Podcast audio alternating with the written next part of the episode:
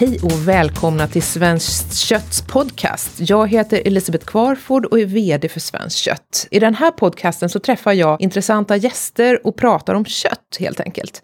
Idag har vi med oss Ann-Helén Meyer von Bremen och vi tänkte prata om politiken bakom det svenska köttet. Vem bestämmer vad som hamnar på våra tallrikar egentligen? Välkommen Ann-Helén! Jag tänkte att vi börjar med några snabba frågor som tar dig på pulsen lite grann. Vem är du? Jag är 52 ehm, år journalist som skriver om jordbruk och mat, ofta med koppling till miljö. Och om jag säger kött, vad tänker du på då? Ko. Och hur vill du ha ditt kött stekt? Väldigt lätt faktiskt, i alla fall om vi pratar om en biff. Vad lagar du helst i köket? Mat. jag gör faktiskt det. Jag lagar faktiskt eh, väldigt mycket mat. Och vad är din favoriträtt då? Kan vara allt från liksom fläsklägg till ostron till uh, den första spenaten till, ja. Och om du bara skulle få äta en kötträtt resten av livet, vilken skulle det vara?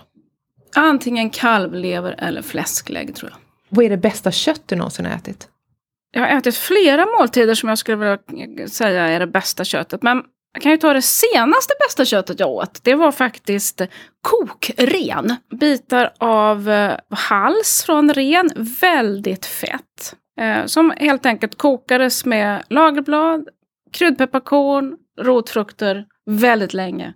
Otroligt gott. Otroligt fett. Mums. Du är en sån som inte har några problem liksom, att tugga det här fettet? Nej men det blir nästan inget, alltså, det blir nästan inget fett på benen. Eller det fettet som är där, det kanske jag liksom skrapar, skär mm. bort så att säga. Då. Så att det är Men mer att det sätter smak på hela anrättningen? Det är otroligt fantastisk mm. buljong. Mm. Både, och vi åt det liksom i, i flera omgångar. Vi åt det både liksom som en kötträtt, vi åt det som en buljong, vi åt det som en grönsakssoppa med då lite köttbitar i. Va? Fantastiskt. Mm. Det är ett kött som man inte får tag på i Stockholm. Nej. Man måste åka till eh, samerna. Vi får ta och leta efter eh, kohals. Absolut. absolut. Eh, var finns den godaste korven? Det är faktiskt så att den bor granne med mig. Vilken tur! ja, det är jättepraktiskt. Eh, efter 30 år i Stockholm så bor jag numera i Järlåsa mellan Uppsala och Sala. Där har vi köpt en liten gård. Och eh, granne med mig finns faktiskt Kristoffer Fransén från Franséns charkuterier. Jag ska nog påstå att han gör den godaste korven i Sverige. Synd att jag inte bad dig ta med lite korv så hade mm, vi kunnat sitta här och äta ja, korv tillsammans. Eh, men om du var landsbygdsminister, vad skulle det vara den viktigaste frågan att ta tag i? Jordbrukspolitiken. Och att stödja de positiva krafter som finns i Sverige just nu. Där det är både, både konsumenter, producenter, bönder, kommuner, landsting som på olika sätt försöker att eh, forma en eh, bättre matpolitik och också överbrygga klyftorna mellan konsumenter och producenter ta fram mat av god kvalitet, miljö, miljöomsorg och så vidare. Jag skulle stödja alla de krafterna som finns och inte göra som nu tvärtom faktiskt. Att förorda fortsatt strukturrationalisering, fortsatt effektivitet, fortsatt produktivitet och så vidare. Vi ska återkomma till det lite senare i eh, programmet för att vi kommer just att prata om, om mycket jordbrukspolitik och, och så idag. Men eh, vad tror du om tio år, kommer vi ha större eller mindre köttproduktion i Sverige? Kommer vi ha större eller mindre produktion eller kommer vi ha fler gårdar? Jag tror att det är lite olika frågor det där.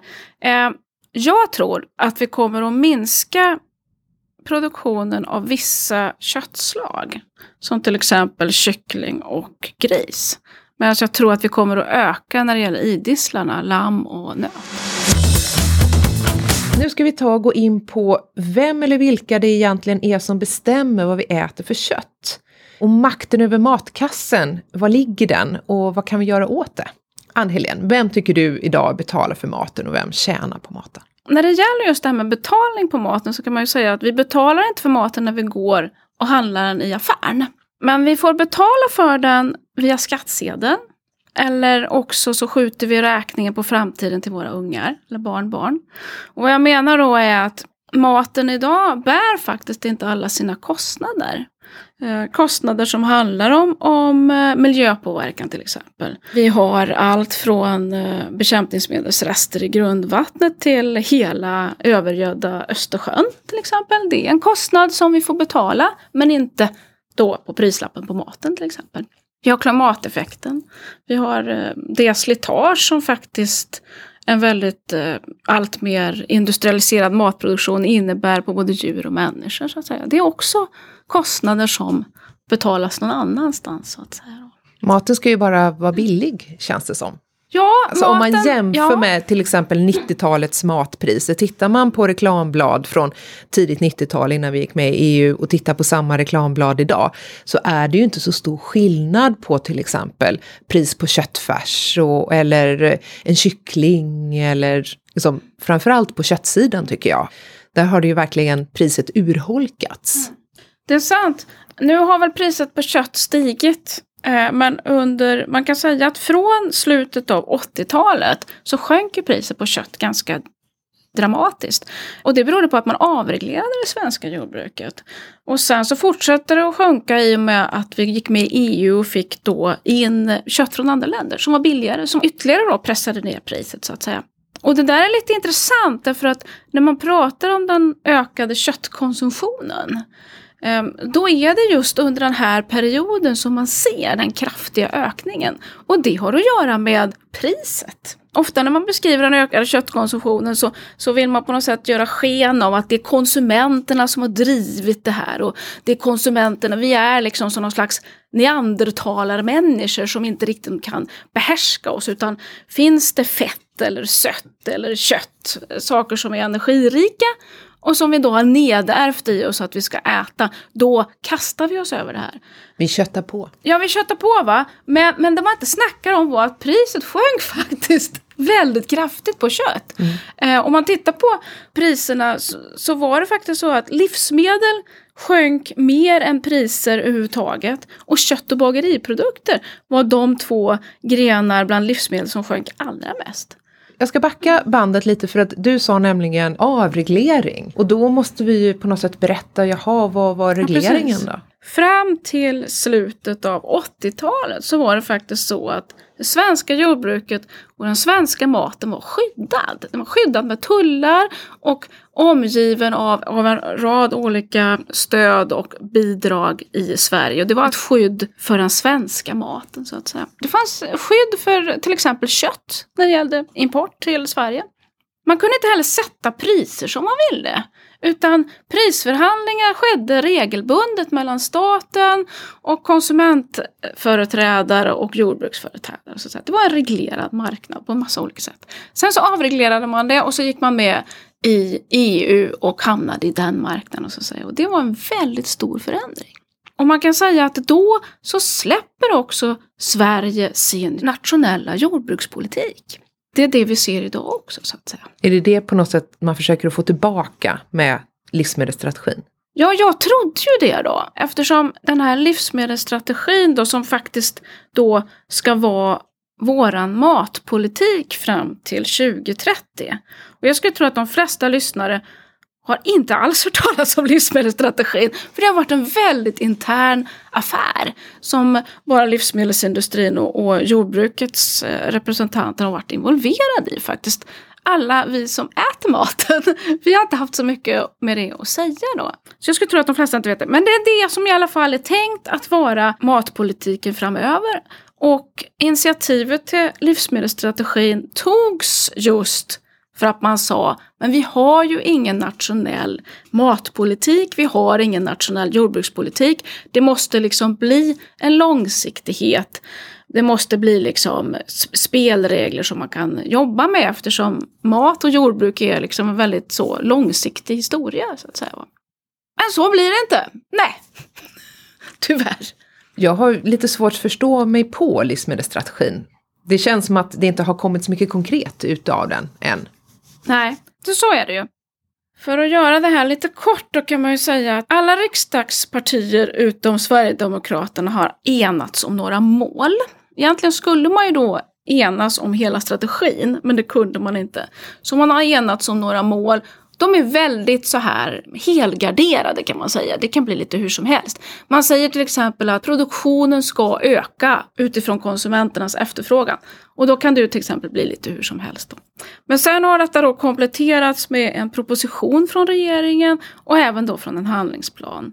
Det finns några konkreta saker. Det finns också några saker som jag tycker är bra i den. Eh, men väldigt mycket är fortfarande väldigt oklart så att säga, och luddigt. De saker som jag tycker är bekymmersamma med den här livsmedelsstrategin det är att man betonar saker som just det här strukturrationalisering. Alltså den utveckling som har, på, som har liksom pågått i 70 år med färre och större gårdar. Det säger man, det ska fortsätta. Därför att det är enda sättet att klara av konkurrensen. Så att säga. Man betonar konkurrens, man betonar effektivitet och produktivitet. Och jag tror att det är ett farligt spår, för det är ett helt annat spår än svenska mervärden, en svensk djuromsorg, en svensk miljövård och så vidare. För ska du konkurrera, då konkurrerar du bara med en sak, nämligen lägre kostnader. Men vem är det som bestämmer över matkassen idag då? Är det politikerna eller är det handeln eller livsmedelsföretagarna eller är det bonden? Det är absolut inte konsumenterna. Den saken är i alla fall klar. Politiken spelar naturligtvis en roll. EU-politiken spelar stor roll. Handelsavtal spelar också stor roll. Handeln har naturligtvis mycket makt och livsmedelsindustrin har också makt. Jag skulle påstå att de företag som säljer saker till bonden, alltså det som man brukar kalla för insatsvaror. Det handlar om utsäde, bekämpningsmedel, konstgödsel, diesel, foder och så vidare. De företagen har också ganska stor makt. Lantbruket har, och lantbrukets företag har naturligtvis också makt, men hör inte till dem, hör nog ändå till de mer maktlösa i den här kedjan. Och jag tycker man också kan se det när man tittar vilka som tjänar pengar. Va? För då ser man ganska tydligt att eh, bönderna är väldigt duktiga på att producera mycket mat. Men de ökar inte sina intäkter. Medan däremot då livsmedelsindustrin och handeln tar en allt större del av kakan. Och det sker på olika sätt. Det sker bland annat genom att man gärna jobbar med förädlade produkter. Ta mejerisidan till exempel. Alla smaksättningar av yoghurt, kvarg, mjölk, vad du nu vill är ju liksom guld värt för livsmedelsindustrin. Precis som det går att tjäna väldigt grova pengar på att jobba med eh, havredrycker till exempel. Du har en jättelåg kostnad för råvaran havre egentligen. Men ute i affären så kan du sälja produkter som är dubbelt så dyra som mjölk till exempel. Det är väldigt intressant. Vad tycker du att den svenska konsumenten har missat angående svenskt kött? Vad borde man veta? Ja, man borde veta ganska mycket. Problemet är att det inte bara är den svenska konsumenten som har missat de här lärdomarna. Jag tycker även att man kan se det bland bönderna, deras organisationer och även livsmedelsföretagen och handeln själva så att säga. De som borde veta bättre gör ju faktiskt inte det. Men vad är det för lärdomar då? Till exempel hur köttkonsumtionen ser ut. Att det faktiskt är kycklingkonsumtionen som är den stora raketen om vi nu ska prata ökad konsumtion. Inte kossan, inte nötköttet. Tittar vi på de senaste 50 åren så ser vi att eh, vår konsumtion av nötkött har visserligen ökat med 25 procent. Eh, om vi nu pratar totalkonsumtion. Men tittar vi på kycklingen så har vi en ökning på 1100 procent. En annan sak man har missat är att jag tror att vi kommer ganska snart se en omvärdering av kossan som den stora klimatboven. Mm, spännande. Det pågår en hel del sån forskning. Jag tror att den kommer att nå upp till ytan faktiskt. Det finns en protest som jag tycker man ska ta på allvar faktiskt när det gäller djuromsorgen inom köttproduktionen. Sen finns det också det här quick fix-tänkandet. Det finns också en gren som handlar om kan vi bara öka produktiviteten så blir ju klimatutsläppen mycket mindre. Det passar ihop med det industriella synsättet. Det är ju därför det är så underbart att eh, den industriella kycklingen till exempel ger så låga utsläpp. Det passar ihop med den, med den världsbilden så att säga. Så man kan säga att ironiskt nog så både de som förespråkar en mycket mer industriell djurhållning och de som egentligen inte vill ha någon djurhållning alls därför att de tycker att det är fel att hålla djur överhuvudtaget. Djurrättsaktivister. De är lite grann på samma planhalva.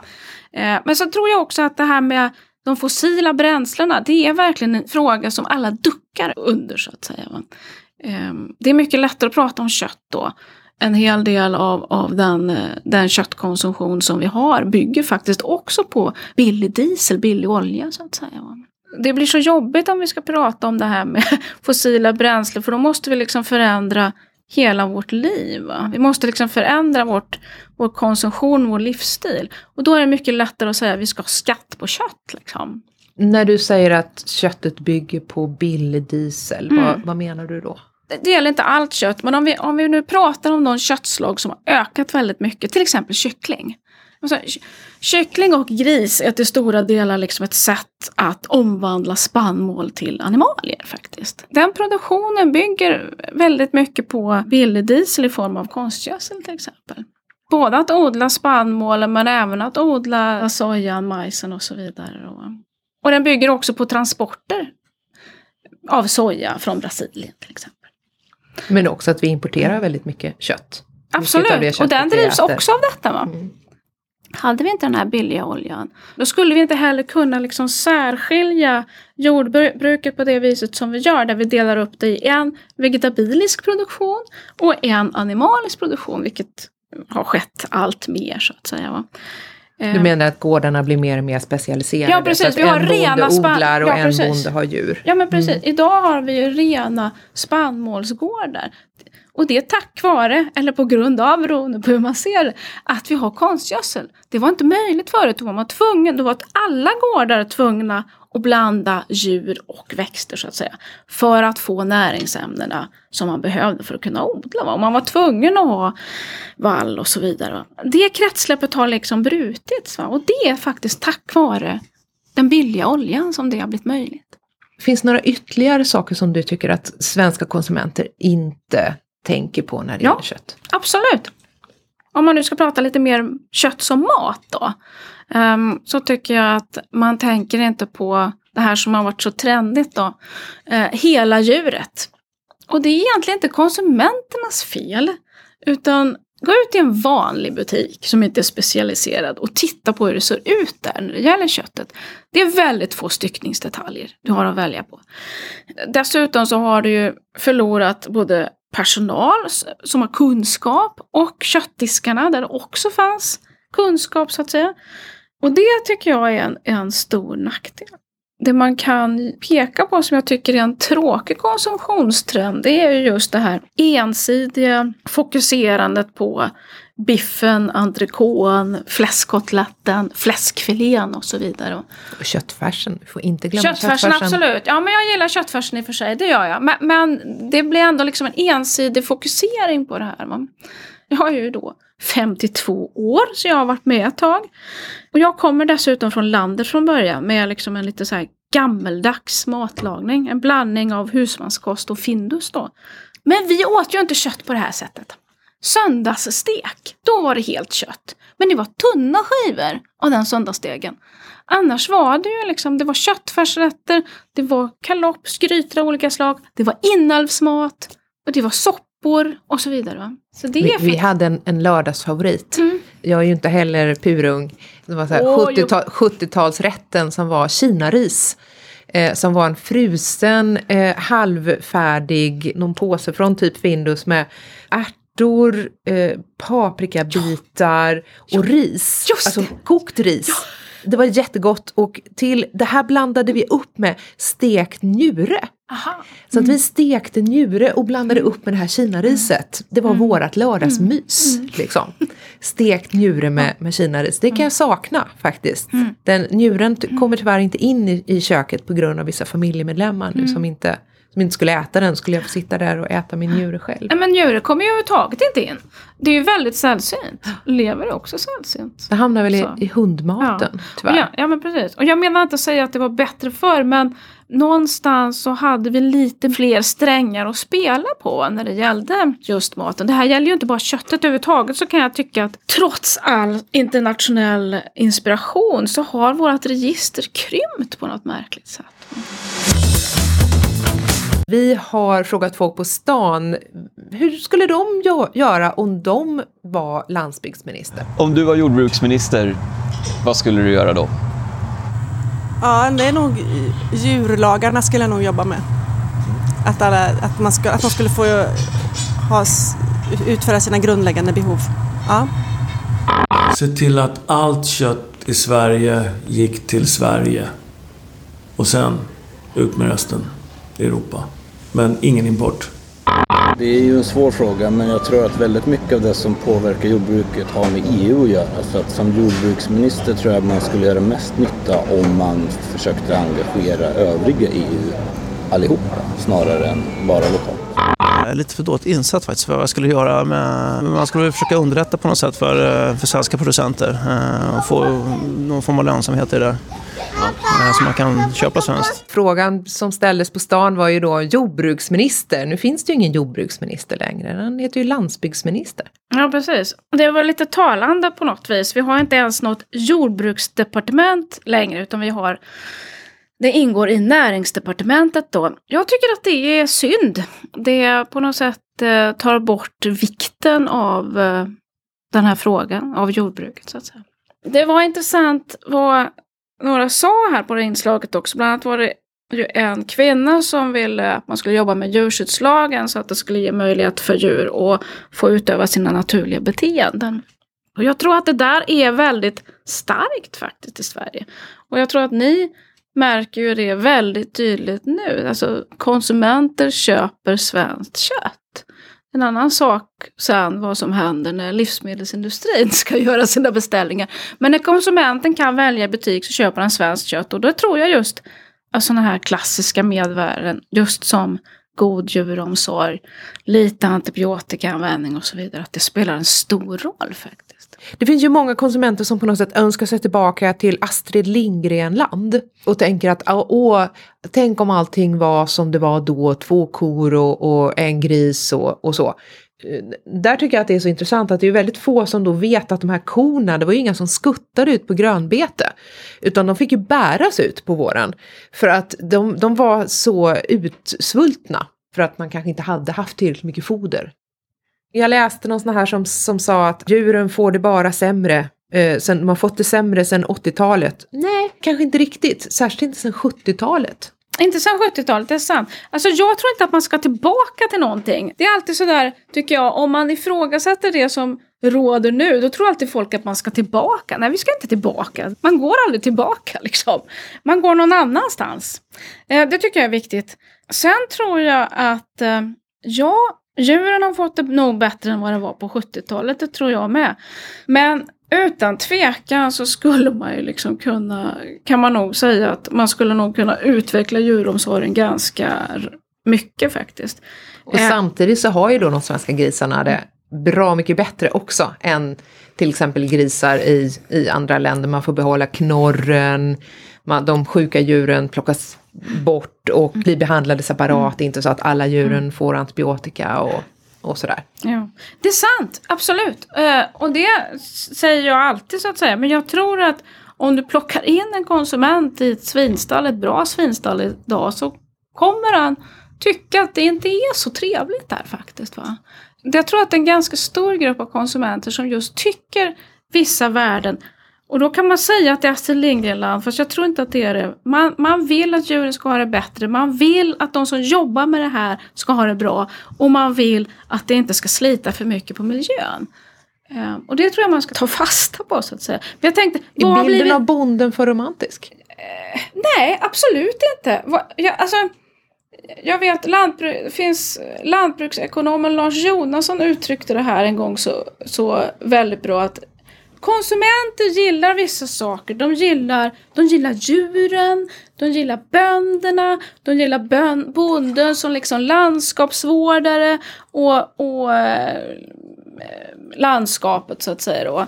Eh, men det som premieras, det är liksom tvärtom det som konsumenten inte gillar. Det, det är den utvecklingen premierar, det är liksom det är kemiska eh, bekämpningsmedel, det är massa maskiner, det är massa diesel.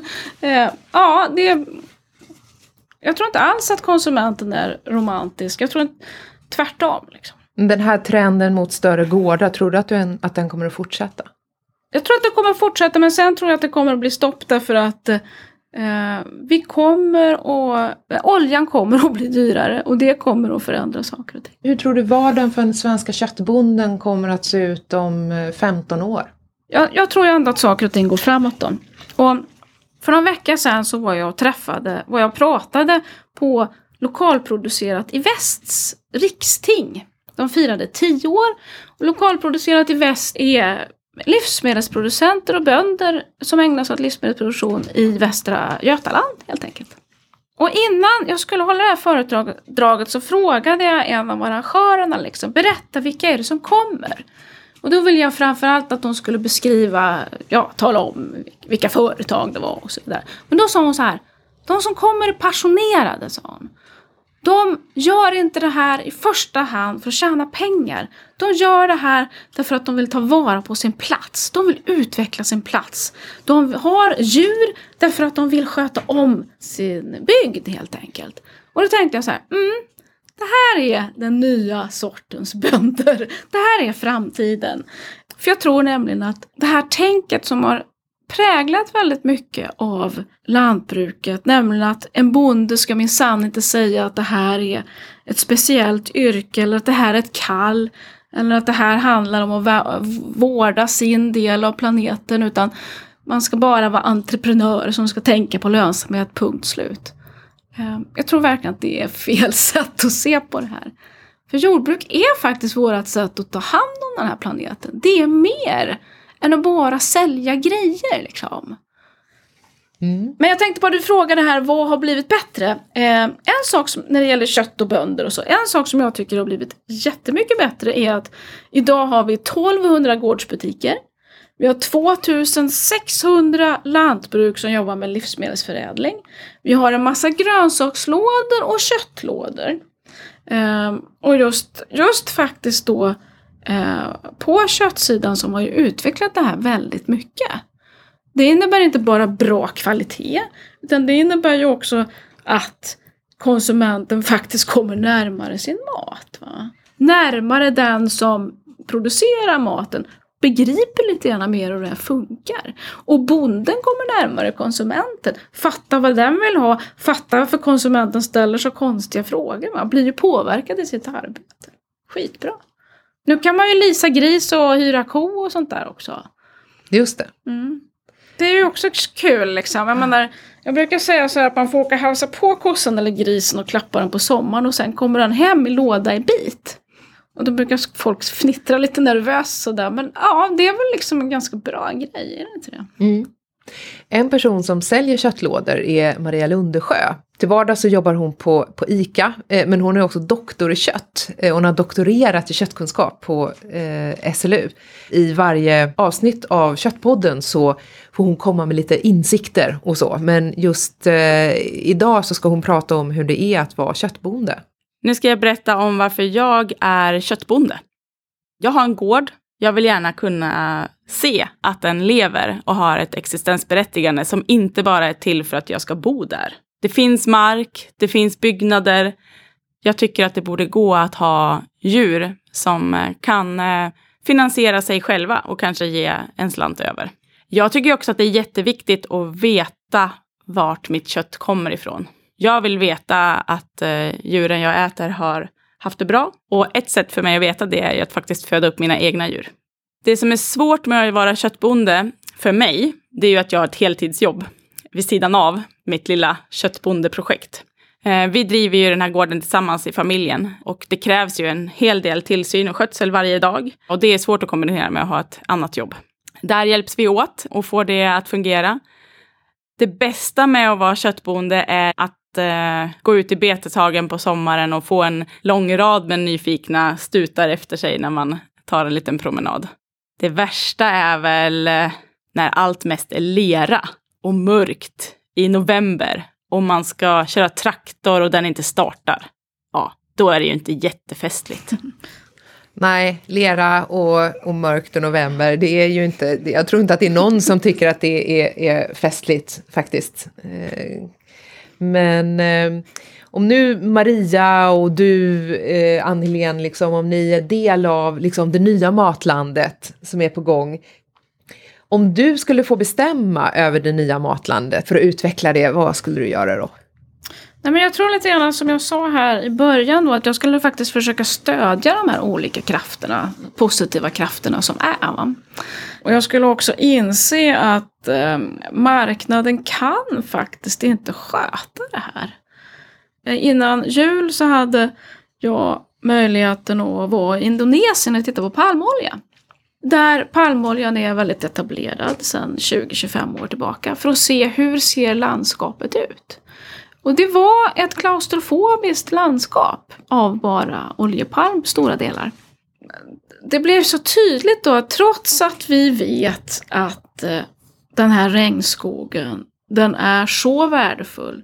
Både räknat i pengar i timmer eller vad man ska säga. Men den är framförallt värdefull för allas våra liv så att säga. Den, den är värdefull som luftrenare, som klimatjusterare. Den har enorm biologisk mångfald med resurser som vi kanske kommer att behöva ännu mer när klimatförändringarna liksom börjar spela sitt spratt med oss på allvar. Va? Och vi kommer att behöva saker som vi inte visste att vi kanske behövde. Trots att vi vet det här så är det ändå så att om man liksom kan hugga ner den här regnskogen och plantera oljepalm och, och sälja den så är det mycket mer värt, alltid. Eller om man kan plantera vete eller soja eller vad det nu eller för att inte glömma våra egna tall och granplantage som vi har ägnat oss åt så är det alltid det som vinner. Och det är ju faktiskt ett grundläggande problem på något sätt. Va? Och därför så menar jag på att man, man borde faktiskt inse att marknaden har verkligen sina begränsningar när det gäller det här. Det är klart vi ska ha marknad, men, men man måste faktiskt hålla marknaden lite i örat. Va? För annars så kommer vi inte ha några, vi kommer inte ha någon animalieproduktion kvar i Sverige. Det tror jag man ska vara väldigt, väldigt klar över. Men eh, vad skulle hända om till exempel EUs jordbruksstöd skulle förändras eller eh, kanske till och med försvinna? För idag är det ju så att, att eh, även svenska bönder får ju ganska mycket stöd. Eh, framförallt för att kanske hålla eh, våra öppna landskap öppna och, och så. Men vad skulle hända om de stöden försvann? Alltså jag tror verkligen att de, man kan ju skälla mycket på EU. Eh, det finns anledning att göra det. Ehm, men just när det gäller de här bidragen som faktiskt då går till ehm, att hålla landskap öppen, att, att jobba med, med eh, miljöomsorg och så vidare var jätteviktigt. Oerhört viktigt. Jag menar, skulle vi ha um, skulle vi liksom ta bort dem? Jag menar, vad, vad, är orsaken till att vi har några naturbetesmarker överhuvudtaget i Sverige? Det är ju inte liksom, det är ju inte marknadens förtjänst. Va? Det, är ju, det är ju envisa bönder som gör det här trots att det inte är lönsamt. Det är bidrag. Eh, det är en, en del miljöorganisationers arbete med det här, bland annat eh, WWFs arbete med, med hagmarkskött. Det är konsumenter som framhärdar och köper det här. Va? Eh, det är inte liksom företag som jobbar med, med eh, som är konkurrenskraftiga på en internationell marknad. Det är inte liksom den bogen vi pratar om. Helt andra krafter och det tror jag man ska inse. Liksom. Mm. Eh, tycker du att man ska öka den svenska köttproduktionen och hur skulle det i så fall gå till? Jag tycker absolut man ska göra det när det gäller vissa köttslag. Idisslarna, ja. Eh, gris och kyckling skulle jag faktiskt vilja se en radikal förändring. Jag tycker absolut att man ska äta både gris och kyckling men man ska inte ha produktionen som den ser ut idag. Eh, och då kommer det med, med automatik innebära att vi kommer att äta mindre av de köttslagen. Varför tycker jag inte det? Jo, för jag tycker att man måste faktiskt plocka in djuren mer i kretsloppet än vad man har gjort idag. De som är minst industrialiserade är ju ändå köttkorna generellt och lammen får man lov att säga. De används mer i kretsloppet genom att de faktiskt betar mark, eh, hämtar sin mat själv, jobbar med biologisk mångfald, eh, öppna landskap, bla bla bla och så vidare. Grisarna och kycklingarna och hönsen skulle också kunna göra sina jobb. Hämta sin mat mer, markbereda, sprätta, gödsla och så vidare. Liksom. Och jag tror att i framtiden så måste vi faktiskt få till det här. Va? Och då blir det, och eh, grisar och höns är förresten dessutom fantastiska kompostkvarnar. Liksom. kan ta hand om avfall som inte vi kan äta. Alla restprodukter liksom från jordbruket också. Men jag, blir... jag ska anlägga en gräsmatta. Jag är lite sugen på att kolla om jag kunde hyra en gris någonstans ifrån för att den skulle mm. gå och äta upp all kvickrot och sånt. Skitbra idé. Fixa till jorden innan. Ja, jag har, har, en annan kompis som är bonde som har eh, lindrödsgrisar. Mm. Och han använder ju dem för skogsberedning. Mm. Innan han ska avverka. Så släpper han ut eh, grisarna där. Eh, och, eh, för då, då äter de upp allting som skulle kunna sen växa upp och ta eh, näring och solsken och så från de plantor som han ska mm. plantera efter att han har avverkat. Absolut. Jag känner till bönder som jobbar med höns i sin sparrisodling till exempel. Låter dem, när, när sparrisen har kommit upp en bit, de, när de har blivit sådana primer, låter de liksom hönsen gå på där och sprätta och gödsla och hålla på. Liksom. Supersmart. Men mer sånt tror jag vi måste se. Och då blir det ändå med automatik så att, att vi kommer att äta mindre kyckling och mindre gris än vad vi gör idag. Och jag tror att vi Om vi inte importerar. Ja just det, men nu hade vi inte det scenariet. jag, menar, det, det, jag tycker inte det är ett alternativ liksom. Um, just det, det var när du fick bestämma. Ja men mm. precis. Mm. Va? Uh, och, och vi kommer att äta mer idisslar så att säga. Va? Sen tror jag att, eller jag är ganska övertygad om att vi kommer att minska vår köttkonsumtion radikalt. Och det gör ju ingenting för eftersom en väldigt stor del av vår köttkonsumtion är importerat så att säga. Men vi kommer att äta bättre kött. Uh, det kommer att vara dyrare. Dyrare och bättre. Men vad tycker du att, att eh, den svenska köttbranschen kan lära sig från andra branscher, andra länder? Jag tycker att man ska kolla på Tyskland nu. När jag pratar om det här, vad ska man säga, positiva matupproret där människor av alla de slag vill förändra vår matproduktion, då är vi ju liksom inte ensamma om det i Sverige. Va? Det här pågår ju.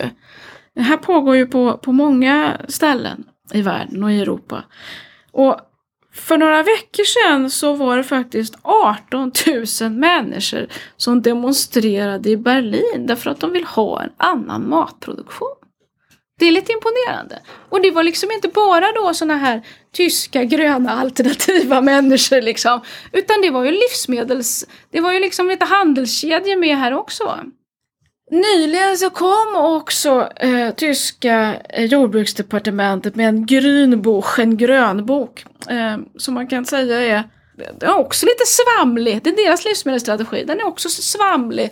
Men den är jämfört med vad vi presterar i Sverige ändå betydligt mer intressant. Dels för att man pratar väldigt mycket om vikten av bra mat, hälsosam mat. Man pratar om vikten av hälsosam mat i skola, dagis och så vidare. Dessutom så pratar man mycket om att eh, stärka det regionala småskaliga jordbruket. Man är också emot att utländska intressen ska komma in och spekulera jordbruksmark. Alltså att, Vilket är väldigt populärt i, i ja. EU.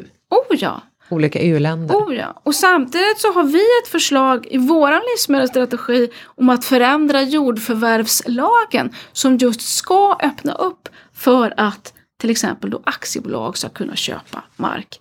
Vilket inte har varit möjligt i Sverige då. Och Men är inte också... det en bra sak istället för att en bonde ska behöva ha så otroligt stora summor investerade i ett eget företag? Man kan ju säga som så att det kanske inte är så himla bra att en gård idag ska vara en sån otroligt tung ekonomisk historia på 10-20 miljoner för en vanlig mjölkgård. Va? Det är naturligtvis inte smart. Men vad beror det på? Jo, det beror ju på att det är otroligt maskinintensivt. Liksom. Men nej, jag tror inte att det är bra. Jag tror att det här, jag menar, i utvecklingsländer kallas eh, det där för landgrabbing. Eh, men vi tror liksom att bara för att vi lever här så är vi liksom förskonade från det. Det ska vi inte tro. Jag tror att det är en farlig grej så att säga. Men en annan sak som är intressant också i den här tyska grönboken. Det är också att man pratar mycket om djuromsorg. Bland annat så har man en lag på gång där man då ska förbjuda att man dödar alla tuppkycklingar direkt. Så att säga. Ett enormt beslut faktiskt som kommer ju att kosta mycket pengar för lantbruket men som är väldigt intressant. Man ska hålla lite koll på omvärlden, vad som sker, därför att vi är inte ensamma om att tänka i de här banorna. Det är flera som tänker så här. Mm. Spännande.